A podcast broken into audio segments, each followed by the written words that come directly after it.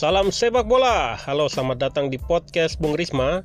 Ini adalah podcast ulasan sepak bola dan saya Rizky Maheng akan menyampaikan ulasan sepak bola di sini. Baik, kali ini kita akan membahas mengenai uh, satu strategi yang ditampilkan oleh Manchester United kala menjamu Liverpool pada pekan ke-9 Liga Inggris uh, di mana pertandingan dilangsungkan di Old Trafford pada hari Minggu 20 Oktober 2019. Nah, kita sama-sama sudah mengetahui bahwa hasil dari pertandingan tersebut adalah seri 1-1. Namun yang menjadi catatan saya di sini adalah uh, ada sesuatu yang baru yang ditampilkan oleh skuad asuhan oleh Gunnar Solskjaer pada laga ini di mana untuk kali pertama MU di musim ini bermain dengan formasi 3 back.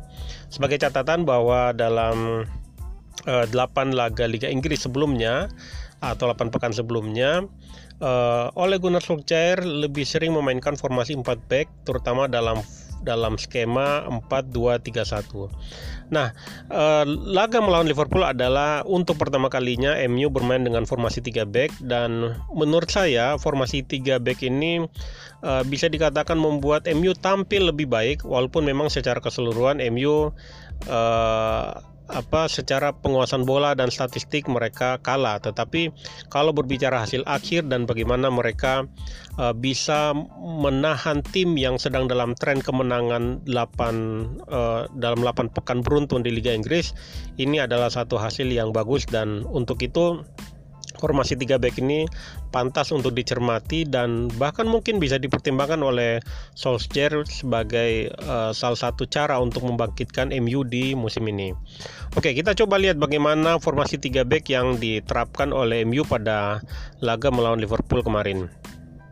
Nah, dalam formasi ini uh, Solskjaer menurunkan uh, skema 3-4-3 yang dalam pergerakannya kemudian menjadi cair di mana formasi 3-4-3 ini berkembang menjadi 3-4-2-1 bahkan terkadang juga menjadi 3-4-1-2. Nah, di formasi uh, eh, 3-4-3 ini uh, tiga pemain bertahan diisi oleh Victor Lindelof, Harry Maguire dan Marcos Rojo. Di mana dalam formasi ini Harry, Harry Maguire menjadi uh, back yang berada di tengah dan diapit oleh uh, Lindelof dan Marcos Rojo. Kemudian uh, empat pemain yang berada di depan itu diisi oleh Ashley Young dan Aaron Wan Bisaka di sisi kiri dan di sisi kanan sayap. Kemudian uh, duet gelandang di tengah uh, Solskjaer menurunkan dua gelandang yang bertipikal ball winner atau perebut bola yaitu Scott McTominay dan Fred. Jadi uh, tampak sekali bahwa Solskjaer ingin memperkuat soliditas di lini tengah dengan lebih mengedepankan gelandang-gelandang yang uh, lebih condong memiliki kompetensi sebagai perebut bola ketimbang sebagai kreator serangan. Nah di lini serang uh, Solskjaer menurunkan trio Andres Pereira, uh, Daniel James dan Marcus Rashford. Dan yang menariknya adalah dalam uh, perjalanannya ketiga pemain ini selalu melakukan pergerakan yang cair. Terkadang Andres Pereira berada di uh, apa di posisi tengah dan memainkan for, apa memainkan peran sebagai penyerang lubang di mana Daniel James dan Marcus Rashford uh, mendadak bisa berubah menjadi duet striker dan uh, di sisi lain juga kadang uh, Marcus Rashford dalam pertandingan ini uh, melebar ke sayap menjadi penyerang sayap dan seorang Daniel James yang kita kenal uh, lebih sering bermain sebagai penyerang sayap dalam formasi ini terkadang bisa menjadi uh, seorang penyerang tengah. Jadi bisa dikatakan dalam formasi 3-4-3 ini lini serang MU menjadi lebih cair, tidak ada patokan khusus walaupun memang uh, dalam skema awal uh, trio penyerang ini merupakan uh, komposisi dari dua penyerang sayap dan satu penyerang tengah. Tetapi dalam perjalanannya ketiganya bisa bergerak sangat cair. Dan ini menurut saya sangat berhasil membuat barisan pertahanan Liverpool tidak mudah untuk mengantisipasi serangan-serangan dari MU. Kemudian saya melihat dari formasi 3 back ini juga membuat MU sangat uh, taktis dalam bertahan di mana uh, Ashley Young dan Aaron Wan Bisaka ketika MU diserang dua pemain sayap ini turun ke belakang dan uh, berubah fungsi menjadi back sayap sehingga dalam posisi diserang MU uh, lantas kemudian mengubah formasi menjadi 5-3-2 dan ketika dalam posisi menyerang uh, Ashley Young dan Aaron Wan Bisaka ini bergerak maju ke depan berkolaborasi dengan dua penyerang sayap yang ada di depannya sehingga dari sisi serangan MU tampak sangat mengeksploitasi serangan-serangan dari sisi sayap.